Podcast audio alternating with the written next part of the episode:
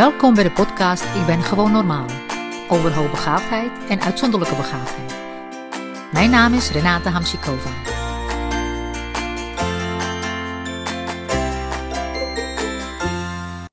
Hi, goedemorgen. Hier Renate Hamsikova van IQ. Ik heb al een hele tijd niet opgenomen of niet van me laten horen, althans niet via podcast, omdat ik uh, met andere dingen bezig was. Zoals ontwikkelen van een nieuwe masterclass, uh, schrijven van een boek, uh, opzetten van mijn kunstatelier, waar ik de helft van de tijd bezig ben. Um, en promoten van, van mijn boek, The Light in You, waarvan de opbrengst volledig naar het Jane Goodall Institute gaat. En dat, dat zijn allemaal heel mooie dingen. En het geeft, geeft mij energie. Um, en daarom was ik ermee bezig, omdat uh, uh, dingen als podcast of video opnemen, uh, dat komt natuurlijk altijd. Ik denk als je,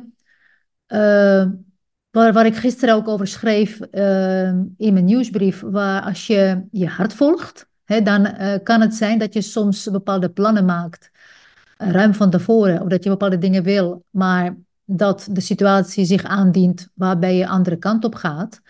En die flexibiliteit, die fluiditeit van het leven en die flexibiliteit in je, in het, eh, in je hart volgen, uh, is heel erg belangrijk, terwijl je tegelijkertijd een bepaalde richting aanhoudt. Dus er zijn twee tegenstrijdige dingen, lijkt wel. Een richting hebben, een bepaald doel hebben, een bepaalde pad kiezen. Maar daarin flexibel zijn en zijweggetjes nemen, uh, uitstappen, uitstapjes nemen, nieuwe dingen leren, nieuwe dingen ondernemen terwijl je wel je hoofddoel voor ogen hebt. En uh, als je hoofddoel is uh, vanuit je hart leven, zo authentiek mogelijk zijn, mensen inspireren, uh, nieuwe vaardigheden leren, ontdekken, hè, dan, dan is het heel breed en daar kan alles in ondervallen dat je op je weg tegenkomt.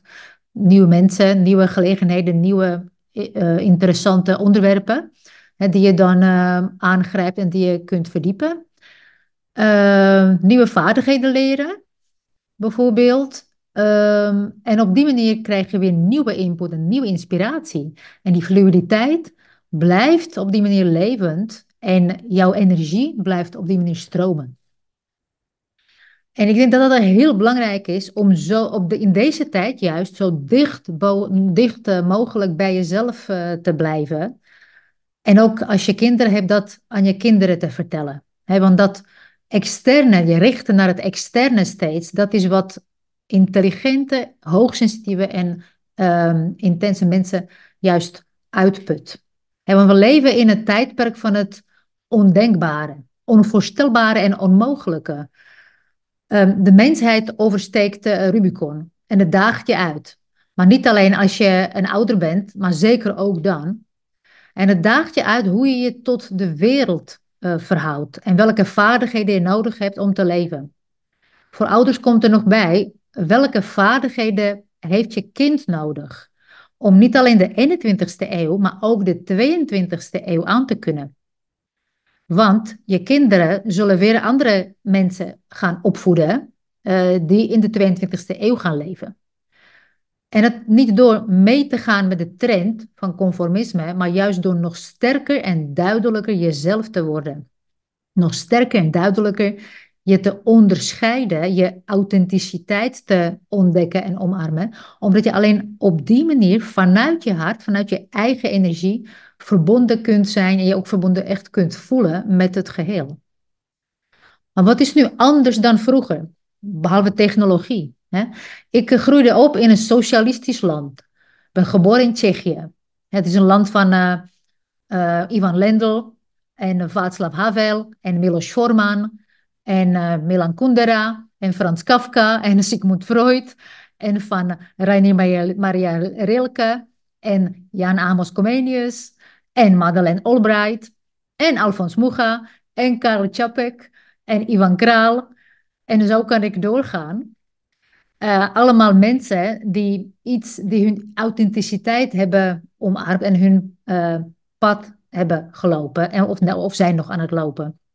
En het was voor mij uh, even wennen in Nederland. Ik kwam hier 19, 87 als eh, student, als 19-jarige om te studeren. Alleen kom ik, kwam ik hier naartoe. En uh, het was even wennen, omdat hier democratie zou moeten zijn. Dat was nog net voor de val van de muur dat ik hier kwam.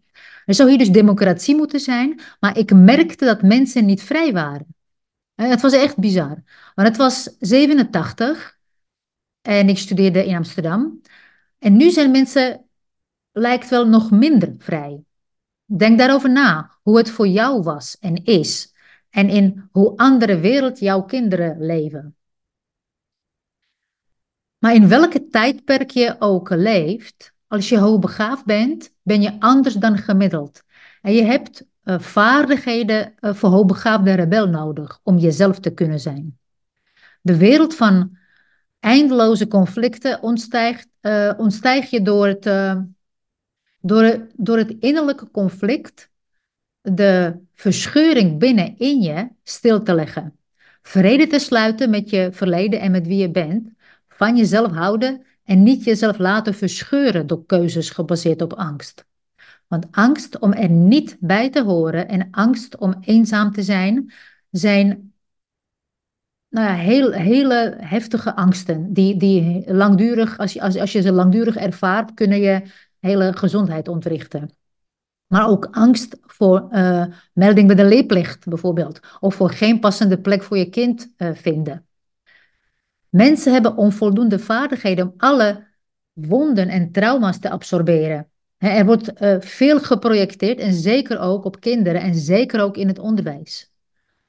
Als je hoogsensitief bent, empathisch en extreem intelligent en komt tussen de gewone mensen, voel je onmiddellijk uh, vanaf, vanaf eerste minuut uh, dat hun energie niet strookt met jouw energie. En als zo'n vierjarige, eh, dat, als je ouder bent en je hebt een kind, dan kun je dat voorstellen. Als een vierjarig kind dit meemaakt, is het, uh, of levensbepa is het levensbepalend, maar het hangt er vanaf welke kant op. Levensbepalend richting de aanpassing of levensbepalend richting in je kracht te komen te staan en authentiek worden.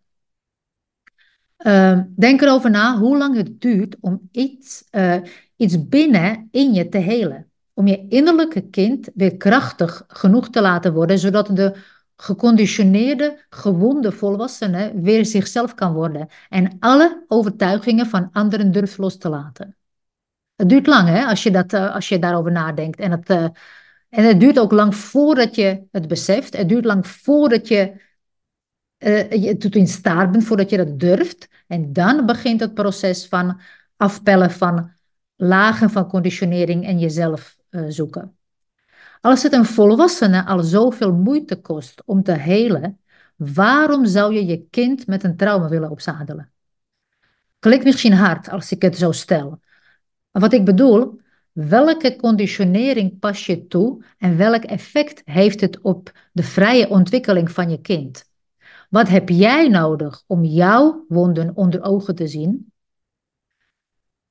je hebt een getuige nodig. Iemand die je wonden ziet. Iemand die je bevestigt. En dan wat?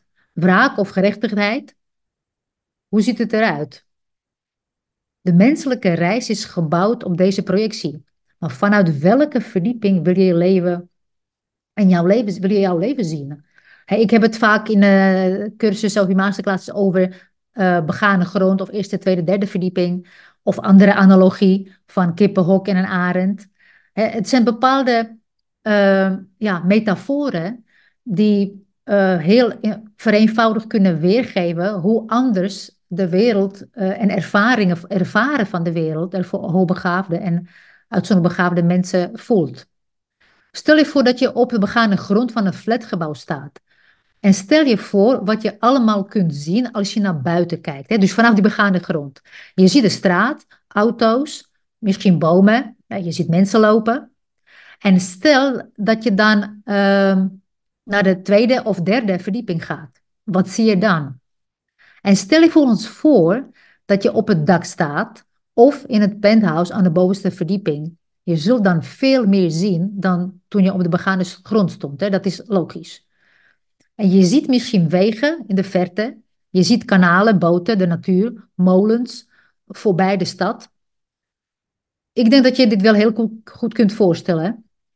En dit is een analogie voor de perceptie van beleving van niet hoogbegaafde en hoogbegaafde mensen.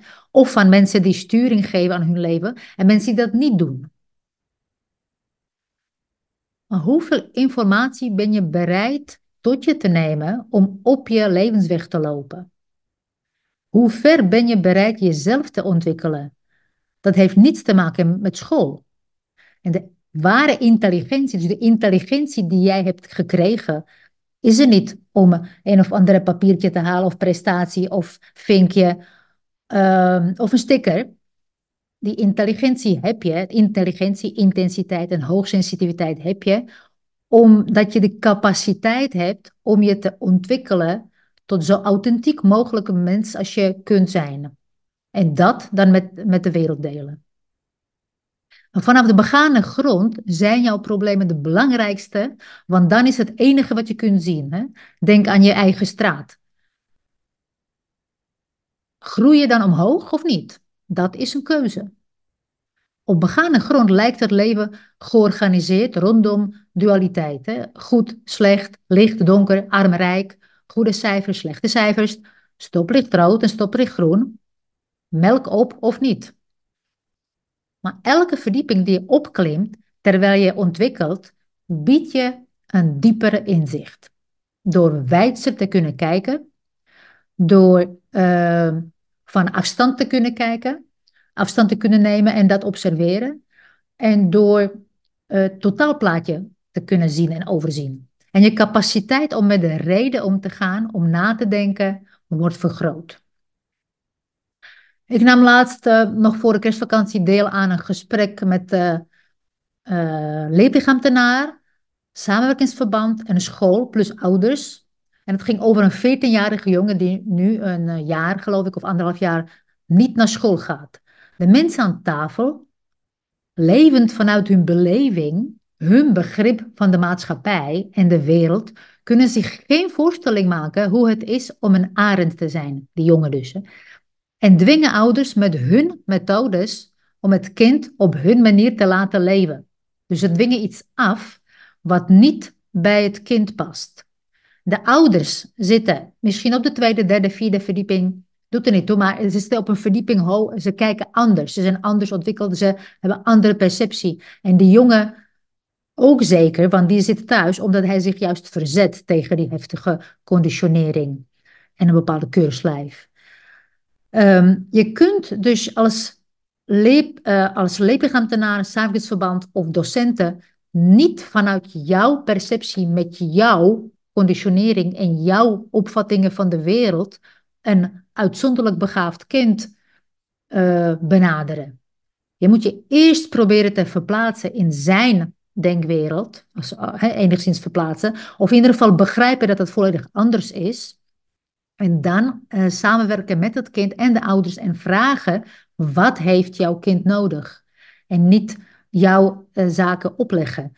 Dat is, uh, dat is dus de essentie van waar het uh, misgaat in Nederland. Dat bepaalde denkwijzen, bepaalde organisatorische, administratieve principes kinderen klem zetten. En ehm, de vraag is dus op welke verdieping zit jij?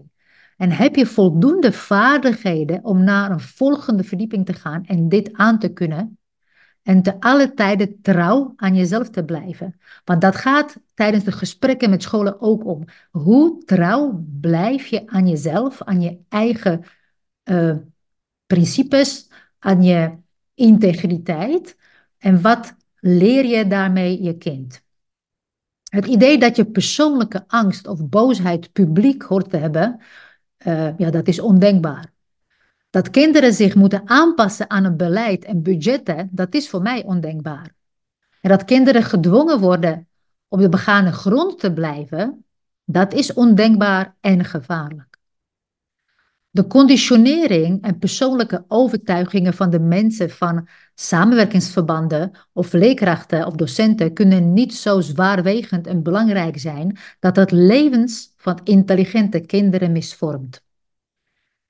En ik heb voor leerkrachten, medewerkers van samenwerkingsverbanden en anderen die iets te zeggen hebben over het kind, een paar punten waar zij bij stil moeten staan tijdens besluitvorming aangaande hoogbegaafde kinderen. Ik ga ze even oplezen. 1. Zijn de besluiten gebaseerd op het kind en zijn ontwikkeling tot wie hij wil zijn? 2. Heb je heel goed op je netvlies wie het kind is en wat zijn of haar behoeften zijn? Heb je dus ook goed met ouders gepraat, zodat jouw beeld niet alleen gebaseerd is op de observatie van het aangepaste kind in de klas? 3. Waar zijn je overtuigingen op gebaseerd? Kun je dat onderbouwen? 4. Ben je aan het projecteren of kun je oordeelloos naar het kind en zijn behoeftes kijken? 5. Heb je het kind leren kennen en gehoord wat hij of zij wil? En 6.